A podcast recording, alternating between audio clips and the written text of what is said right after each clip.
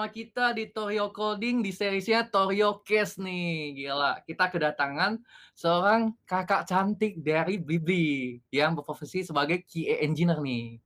Boleh nih kita minta waktunya buat kenalan, kasih tahu namanya, posisinya apa, terus uh, kerjanya tuh udah tau lah tadi di Blibli kayak gitu. Uh, Oke, okay. halo semua. Uh, nama aku Luciana. Uh, sekarang aku bekerja di salah satu e-commerce yaitu Blibli. Uh, aku bekerja sebagai quality assurance di sana. Posisinya uh, sebagai software development engineer Intes. Di Blibli nih, lumayan. Ya. Kita juga dari Blibli nih. ya. Lumayan kenal berarti ya, deket ya. Ya, mm, jadi ya ya bisa dibilang gitu kan ya. satu kantor gitu kan ya. Uh, paling, mmm, gue mau nanya sih, gue kepo juga sih sebetulnya. Uh, biasanya kan kalau, uh, apa ya, IT itu biasanya mindsetnya para cowok gitu. Nah, tapi lu itu sebagai seorang wanita gitu, kok bisa sih memulai, uh, berkarir di dunia IT gitu? Atau mungkin, uh, lebih tepatnya mungkin kita bahas di awalnya dulu aja kali ya, uh, kayak kenapa sih lu bisa kuliah IT gitu? Oke, okay. kenapa gue bisa kuliah IT? Itu awalnya gue juga gue nggak tahu mau kuliah apa sebenarnya. Kayaknya banyak ya jawaban kayak gini. Tapi beneran gue awalnya nggak tahu mau kuliah apa, terus hmm. akhirnya discuss sama saudara-saudara, terus uh, saudara kan mungkin lebih mengerti juga kan tentang kerjaan uh, di masa sekarang. Jadi hmm. kayaknya dia lihat untuk yang IT yang komputer-komputer itu bakal kepake nanti di masa depan banget. Jadi di saranin lah, cobalah lu IT, kayaknya lebih ada harapan untuk pekerjaan di ke depannya. Karena nanti kan ke depannya udah pakai teknologi terus kan. Hmm. gitu sih awalnya. Jadi karena gue juga nggak tahu mau mau ambil jurusan apa, terus disaranin begitu, dijanjikan pekerjaan pekerjaan yang mudah, oh gue tergiur dong. Ya udah, gue coba dengan tanpa terpaksa. Ya udah, cemplung aja deh ke IT. Tapi dulu itu pas ngambil IT ada ekspektasinya sendiri gak? IT ya?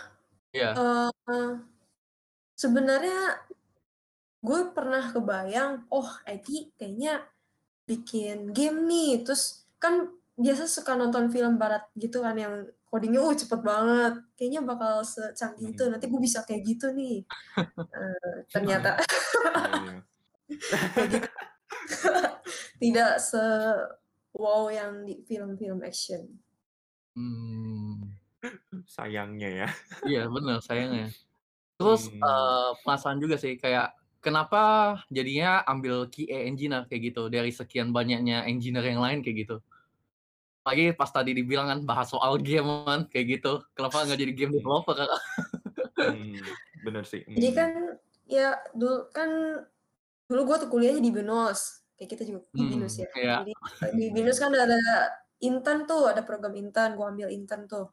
Terus di gue iseng tuh pilihnya pengennya yang bagus-bagus yang bernama-bernama tuh kayak dulu kan Tokped, hmm, ada Blibli, terus ada yang lain-lain kan. Terus uh, eh, gue dulu asal tuh apply, ada Tokped gue apply, Blibli gue apply. Terus di Tokped tuh waktu itu gue apply-nya kalau salah ada developer ya. Gue ada apply developer. Terus yang di Blibli gue lihat nih kok ada yang aneh ya namanya quality assurance. Dulu gue nggak tahu quality assurance itu apa. Cuman hmm. kayak yang pernah dengar kan, oh ya developer ya kayak yang biasa kita lakukan dengan coding kayak gitu. Benar, benar. Quality assurance apaan nih? Terus kayak kok kayaknya unik nih. Itu tanpa gue research apaan, gue apply aja tuh, main apply aja. Oke. Okay. ya bentuk namanya namanya ini ya, cerah terus benar-benar terkenal gitu kan. terus hmm. uh, tapi dulu ada kayaknya ada sedikit gambaran ini quality assurance apa jangan-jangan kita ngecek kualitas suatu produk ya? Karena ada kata kualitinya kan ada, quality, hmm. ada kata kualitinya terus kita coba uh, gua coba apply aja tuh. Habis apply baru deh tanya-tanya waktu itu senior senior yang udah kerja di BB sebagai quality assurance. Terus gua tanya e, Ci ini tuh ngapain sih quality assurance? Kemarin aku ingat aku apply ini oh quality assurance itu sebenarnya gini gini gini gini baru tuh udah penjelasannya jadi gue juga apply quality assurance juga coba-coba sampai sekarang gitu Oke, oke. Menarik, menarik. Hmm. Menarik sih bener ya.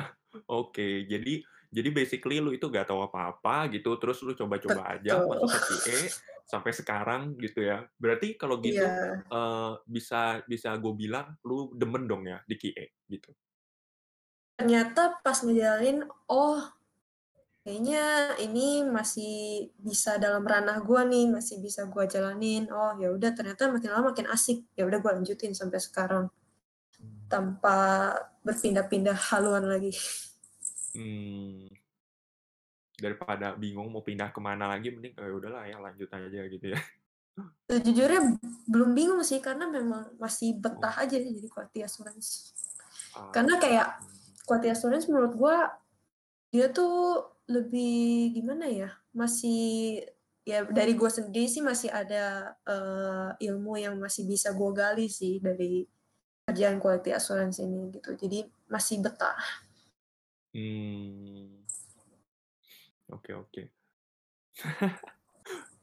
Perlu ditanda kutipin masihnya itu ya. Iya. Hmm, untuk s- saat ini ya hmm.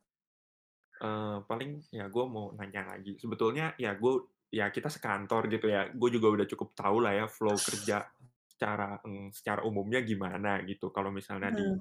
ya di kantor gitu. Nah cuma gue penasaran sih. Kan kalau gue dari sisi dev gitu ya. Boleh tolong lu Hmm. ceritain nggak kalau dari sisi QA itu gimana sih flow kerjanya gitu? Kalau misalnya lagi ya lagi hari-hari biasanya gitu. kalau biasa ya eh, jadi Hmm. kalau jadi QA biasa kan di Blibli itu dia ada sistem kayak Scrum gitu kan jadi tiap mem- membu- membuat suatu produk itu kan ada dalam satu waktu namanya sprint kan jadi dalam satu sprint itu pada awalnya itu akan ada namanya grooming yaitu kita tuh kayak akan meeting untuk membahas gambaran besar produk yang akan kita develop gitu kan nah itu ketika pas grooming itu dan planning bisa gue gabung ya Eh, setelah grooming dan planning itu biasanya QA itu akan mulai untuk menganalisa produk itu. Jadi nanti ketika dia udah menganalisa, dia akan belajar juga flow-nya dari hasil analisa itu. Ntar dia belajar flow. Karena ini wajib banget buat QA. Jadi quality assurance itu lebih kayak kita memastikan produk yang akan kita deliver itu, akan kita buat itu, eh, sebisa mungkin tidak ada bug gitu loh. Yang ketika nanti sampai pada penggunanya. Kita memastikan produk itu tidak akan terjadi kendala apa pun, baik bug, biasa bug sih yang kita akan cari. Terus nanti ketika udah sampai user nggak kenapa-napa, itu yang akan jadi goal kita. Itu tugas quality assurance adalah itu. Nah jadi pas awal ketika ada grooming dan planning, eh, quality assurance itu akan coba untuk memahami flow, flow dan ketika dia sudah memahami flow dari produk terse- tersebut, baru nanti akan dilakukan analisa. Analisa dari flow itu tuh ngapain aja. Dari ketika dia udah selesai menganalisa, nanti akan dia akan bertugas untuk membuat test case. Hmm. Test case itu kayak eh, gimana ya sebutnya ya? Contoh-contoh bug-nya gitu lah, atau gitu. Eh kayak so- flow eh, flow apa yang akan membuat bug itu muncul Hmm, gitu. Iya benar. Ah, Kemungkinan-kemungkinan apa yang akan terjadi akan dilakukan oleh user biasa yang akan membuat bug itu muncul. Hmm. Nah, itu nanti kita catat, kita tulis selengkap mungkin dari suatu dari suatu produk. Terus nanti eh, kalau udah selesai biasanya kalau dari tim gua itu dari dari developer atau leadnya dan leadnya itu akan membantu mereview test case itu. Hmm. Jadi kalau misalkan dari QA ternyata ada yang kemis untuk test case-nya nanti bisa ditambahkan sama mereka. Terus nanti Hmm. dikasih masukan lagi, oh ini harusnya eh, salah nih, eh, flow-nya bukan gini atau enggak nanti gimana, ntar diperbaiki. Nah, ketika misalkan eh, test case-nya udah jadi, baru nanti eh, QA udah bisa mulai testing tuh. Ketika case-nya udah jadi, developernya udah ngedevelop suatu code-nya udah selesai, QA udah bisa testing. Nanti kalau udah te- eh, udah udah selesai testing dan ketemu bug misalkan, nanti bisa dikembalikan ke developer untuk dilakukan bug fixing. Nah, biasanya kan developer butuh waktu kan ya untuk nge-develop produk. Jadi biasanya QA itu di Blibli itu nggak cuman tes manual, jadi kita nggak ngebikin juga automation. Jadi automation itu kayak uh, tes yang dilakukan oleh komputer Hmm. gitu. Hmm.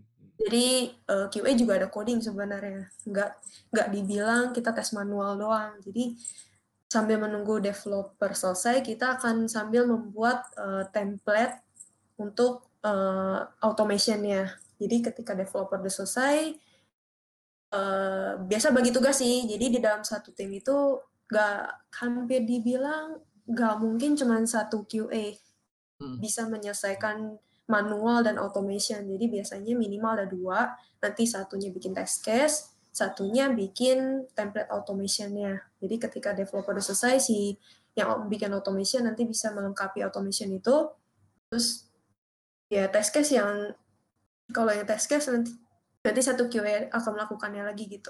Terus habis itu setelah test case udah selesai, kita udah bisa mulai testing tadi. Terus kalau ketemu bug nanti balikin ke developer. Terus nanti ketika developer udah selesai, balikin lagi ke kita untuk testing. Nanti baru kayak gitu terus sampai bugnya selesai di dalam satu waktu sprint itu. Di dalam batas waktu yang ditentukan. Nanti kalau misalnya udah selesai dan dari QA, oh udah nggak ada bug lagi nih, udah selesai semua. Nanti kita bisa bilang, oh ini udah pas.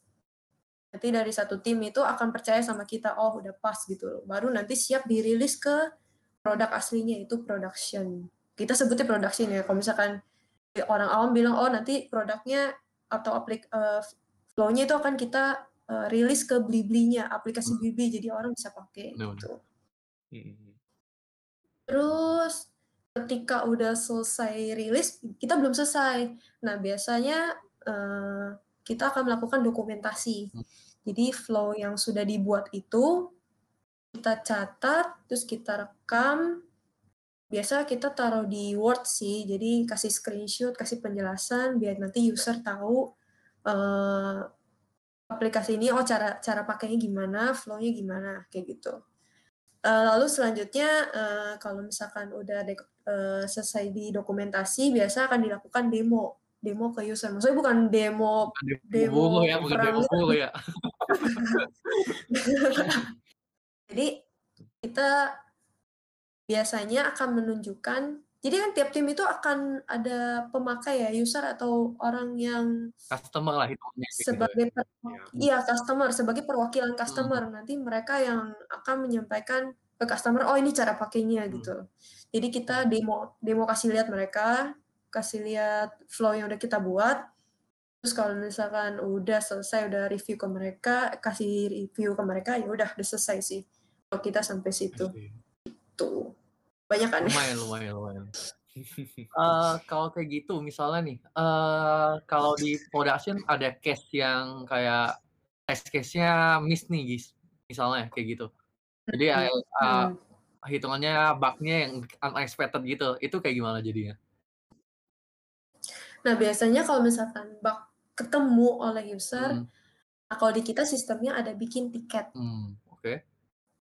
Di uh, kayak bikin suatu catatan yang akan dikasih ke developernya atau tim IT untuk dicari root cause-nya kenapa. Hmm. Nah, kalau misalkan uh, udah selesai bikin tiketnya, kita tim IT akan mencari root cause baik QA maupun developer. Jadi ini tugas bersama, nggak cuma QA okay. aja. Terus nanti kalau udah ketemu root cause-nya, ternyata memang ini missing dari user, cara pakainya salah yang membuat uh, jadi flow-nya tidak sesuai yang diinginkan. Jadi nanti di, kita jelasin lagi ke mereka caranya. Oh gini loh. Kecuali kalau misalkan, oh memang ini ternyata setelah cari root cause ini memang bug nih dari kita, dari IT. Baru nanti akan dilakukan fixing. Terus nanti sama akan dilanjutkan lagi ke testing lagi ulang. Nanti baru habis itu dilakukan rilis ke production. Uh, setelah testing selesai, production, nanti kita tinggal rilis ke production, jadi akan disiap digunakan user lagi. Gitu. Oke, lumayan panjang sih. Yeah. QA, Kayak kita selalu bandingin kayak QA itu ya udah testing-testing aja nggak sampai udah apa namanya, testing kelak ya udah kayak gitu. Nggak Hmm. bakal kayak mikirin, "Oh, eee, perlu dites lagi nggak sih kayak ke sisi customer-nya lagi?" Kayak gitu. Ternyata kan dari yang dijelaskan kan jadinya, oh kita tahu nih kalau QA nggak hanya sebatas ngetes-ngetes doang habis itu ya udah dilempar ke customer aja kayak gitu. Dilempar ke production aja buat dirilis kayak gitu. Ternyata dibikin juga dokumentasinya. Betul. Mhm mhm. Terus, eee, kalau misalnya nih, eee, kalau misalnya ada event-event gede nih, itu peran QA itu biasanya ngapain aja sih? Kayak gitu. Misalnya nih dari Blibli ada adain 11.11 atau enggak 12.12 kayak gitu. Iya. Nah, kalau yang untuk event gede, kita udah terapin ini beberapa tahun belakangan sih. Jadi ketika ada event gede kayak 11.11, 12.12, 10.10 kayak gitu, nah itu biasa nanti akan dibuat satu event untuk QA khusus untuk mencari bug yang ada di aplikasi Blibli-nya, gitu. Nanti Oke. kan, eee, tim QA kan ada banyak, jadi nanti, eee, akan dibagi kelompok QA, jadi misalkan berapa QA nanti tes untuk fitur ini, fitur order, terus nanti beberapa QA dialihkan untuk tes fitur misalkan jual eee, tempat jual baju, tempat jual yang kayak wanita, pria, terus ada beberapa kategori yang ada di aplikasi kalau Blibli ya. Kan ada travel, ada, eee, fashion wanita, ada game, ada aksesoris kayak gitu. Nanti kita dibagi pe ke per fitur kategori kayak gitu. Nanti, eee, kita akan berlomba-lomba karena ini event kayak biar QA-nya juga pada semangat untuk, eee, melakukan testing, jadi biasanya diiming-iming gitu. Jadi kita makin Oh. semangat, jadi lebih Oke oke oke. eee, biar lebih seru, terus lebih teliti gitu loh, bisa Mmm. dapat banyak bug Mmm. sebelum, eee, customer yang menemukan Oh, gitu, user jad yang jadi menemukan. kayak sebelum mulai event gede itu bakal diadain lomba buat nyari-nyari bug gitu ya? Betul betul. Oh. Eee, Mhm. sebenarnya bukan sebelum sih, jadi bahkan Pas hari H-nya, kayak gitu? seminggu seminggu sebelum sih, seminggu sebelum Oh, udah seminggu tuh. sebelum, mhm. Dia tuh berturut-turut, misalkan, eee, tanggal event-nya 10.10 berarti tanggal 10 bulan 10. Nah, kita tuh biasa udah di-assign disuruh testing itu mulai dari tanggal 3. Jadi seminggu sebelum kita udah udah di-assign suruh testing sampai H+1. Oke. Gitu. Dan itu jaraknya selama seminggu full? Atau misalnya kayak, eee, selama 1 hari udah dapet nih semuanya, tapi dicekin udah nggak ada bug sama sekali, itu udah kelar kayak Masih gitu? tetap berturut-turut walaupun, eee ketika di-testing tuh kayak nggak menemukan bug sama sekali, itu tetap lanjut karena kita, ca kita sistemnya itu digilir. Jadi orang yang tadinya udah ngetes bagian fashion iya, Heeh. misalkan gua tadinya di-assign untuk ngetes bagian fashion wanita. Terus dalam Oke, waktu heeh. misalkan 2 hari, ternyata di gua itu baru nemu 2 misalkan gitu.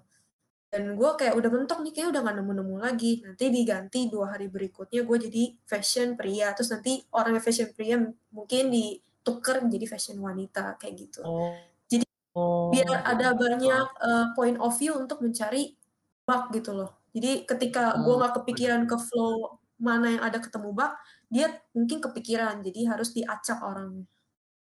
I see, Gitu. ngerti. Oh. Bener juga sih, bener sih, Bener menarik iya sih. iya. Jadinya kayak misalnya nggak lihatnya nggak perspektif satu orang aja jadinya Iya, kayak gitu. betul. Karena kan Iya pikiran iya. orang kan kayak beda-beda kan, unik-unik kan. Mhm, Betul betul. Eee, bener dia bisa ngotak-ngatik, "Oh, gua mau ngotak-ngatik yang kayak gini nih." Belum tentu gua kepikiran gitu, jadi makanya diacak-acak. Tapi ada nggak kayak case-nya mereka maksudnya udah diacak-acak nih, tetep nggak ketemu bug? Ada ada case-nya. Jadi kalau misalnya Ada kayak gitu, tapi nggak ada masalah sama sekali kayak gitu? Eee Atau harus? Eee, ada tapi jarang banget sih yang kayak gitu. Paling Mmm. nah itu kalau misalnya memang ada, tapi nggak mungkin nggak ada sama sekali. Pasti ada minimal 1, misalnya kayak gitu. Mmm. Nggak mungkin yang nggak ada sama sekali, paling adanya bedanya tuh banyak atau dikit ketemunya. Kan takutnya kayak sih. 11.11 udah pernah ngetes nih, terus di 12.12 harusnya kan sama-sama aja kayak itu, nggak ada bedanya, beda 1 bulan doang kayak gitu kan? Nah, dalam 1 bulan itu kan kita setiap bulan itu pasti ada ngerilis fitur baru kan. Nah, ketika rilis fitur baru itu bisa aja nggak sengaja nyenggol fitur lama. Hmm. Oh iya sih. Nah, jadi pasti bug itu akan ada terus gitu loh. Mhm, betul betul. Bener sih. Ya.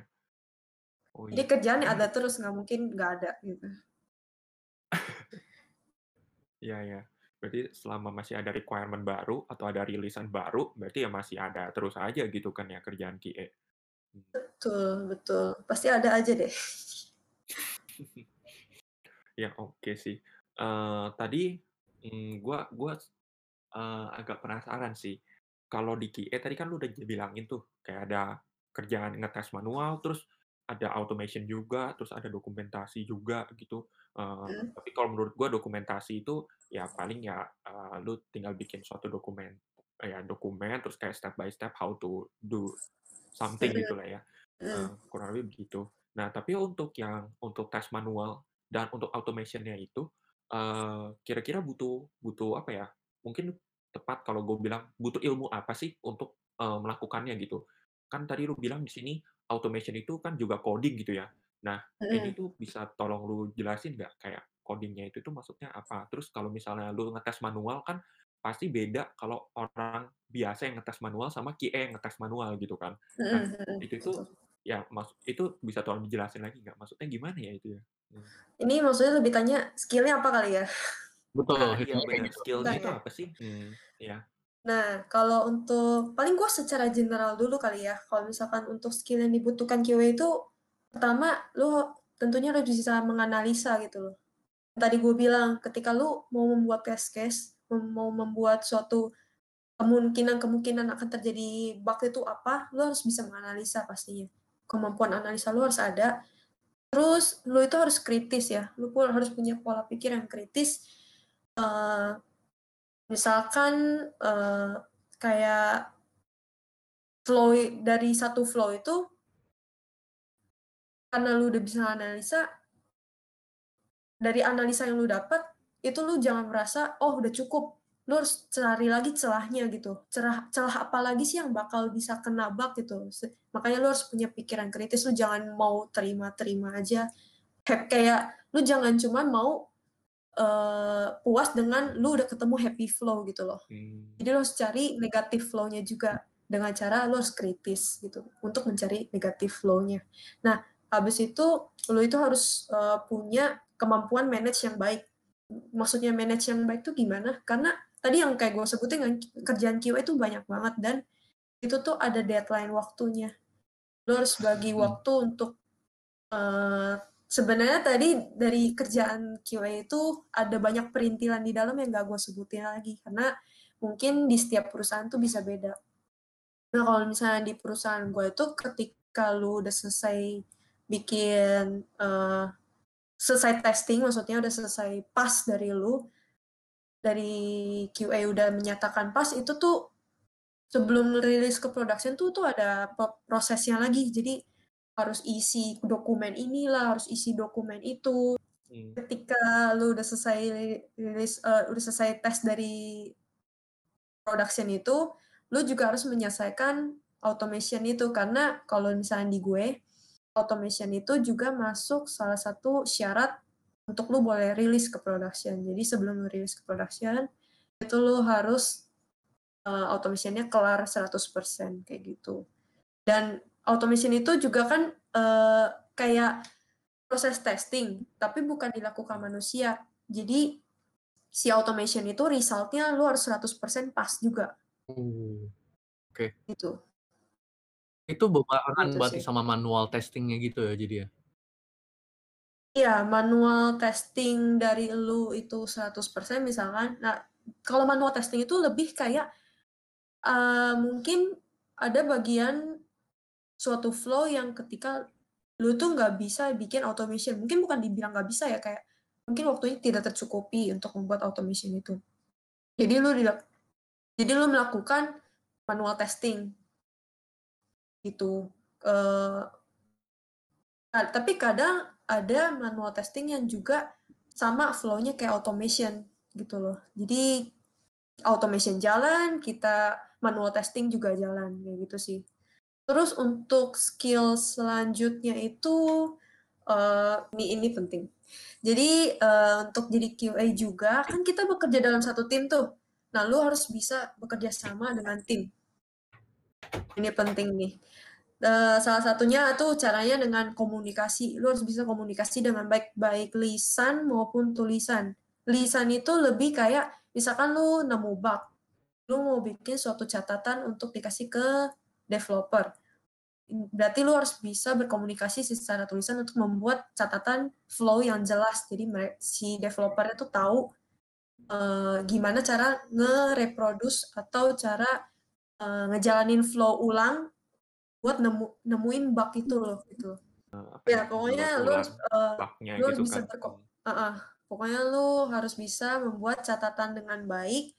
Jadi, eee, di dalam catatan itu akan, eee, lu tulis cara reproduce atau cara, eee, menjalankan flow itu gimana caranya bisa dapetin bug itu, gitu loh. Mmm. Terus sama komunikasi secara lisan tentunya. Jadi kan akan ada, se selain lu cara chatting kan ada ada kalanya juga lu harus pakai call kan. Terus kalau di tim gua sih ada eee, ada pegawai luar negeri. Jadi lu juga harus kalau bisa ya berkemampuan bahasa asing juga Wih. di dalam komunikasi lu, gitu. Tergantung sih, ada tim yang orang Indo semua, ada juga yang campuran. Nah, itu yang campuran lu mesti bisa bahasa Inggris juga. Terus apalagi? Kalau untuk coding-nya itu lu mesti minimal lu bisa bahasa Java lah untuk coding. Mhm mhm.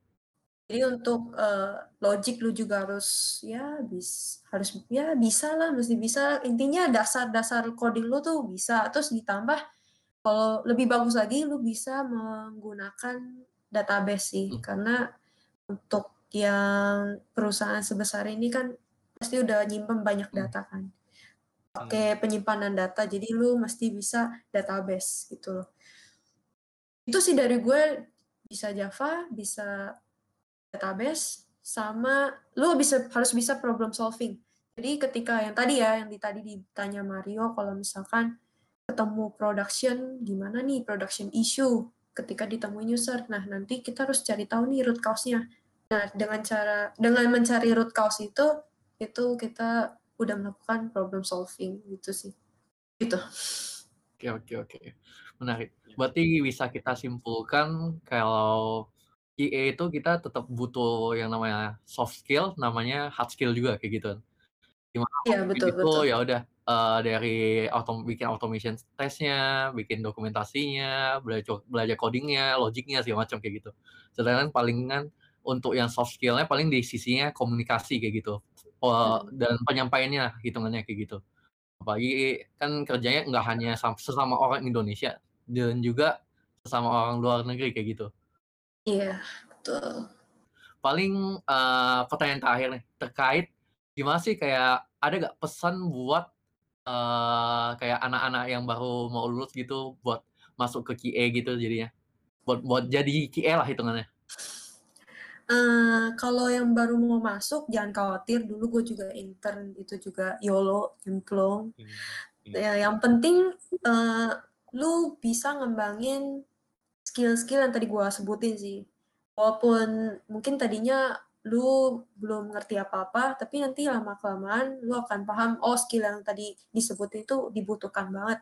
Jadi, walaupun tadinya lu awalnya YOLO atau belum tahu dan belum punya pengalaman sama sekali, lu bisa latih itu, nanti lama-lama bisa.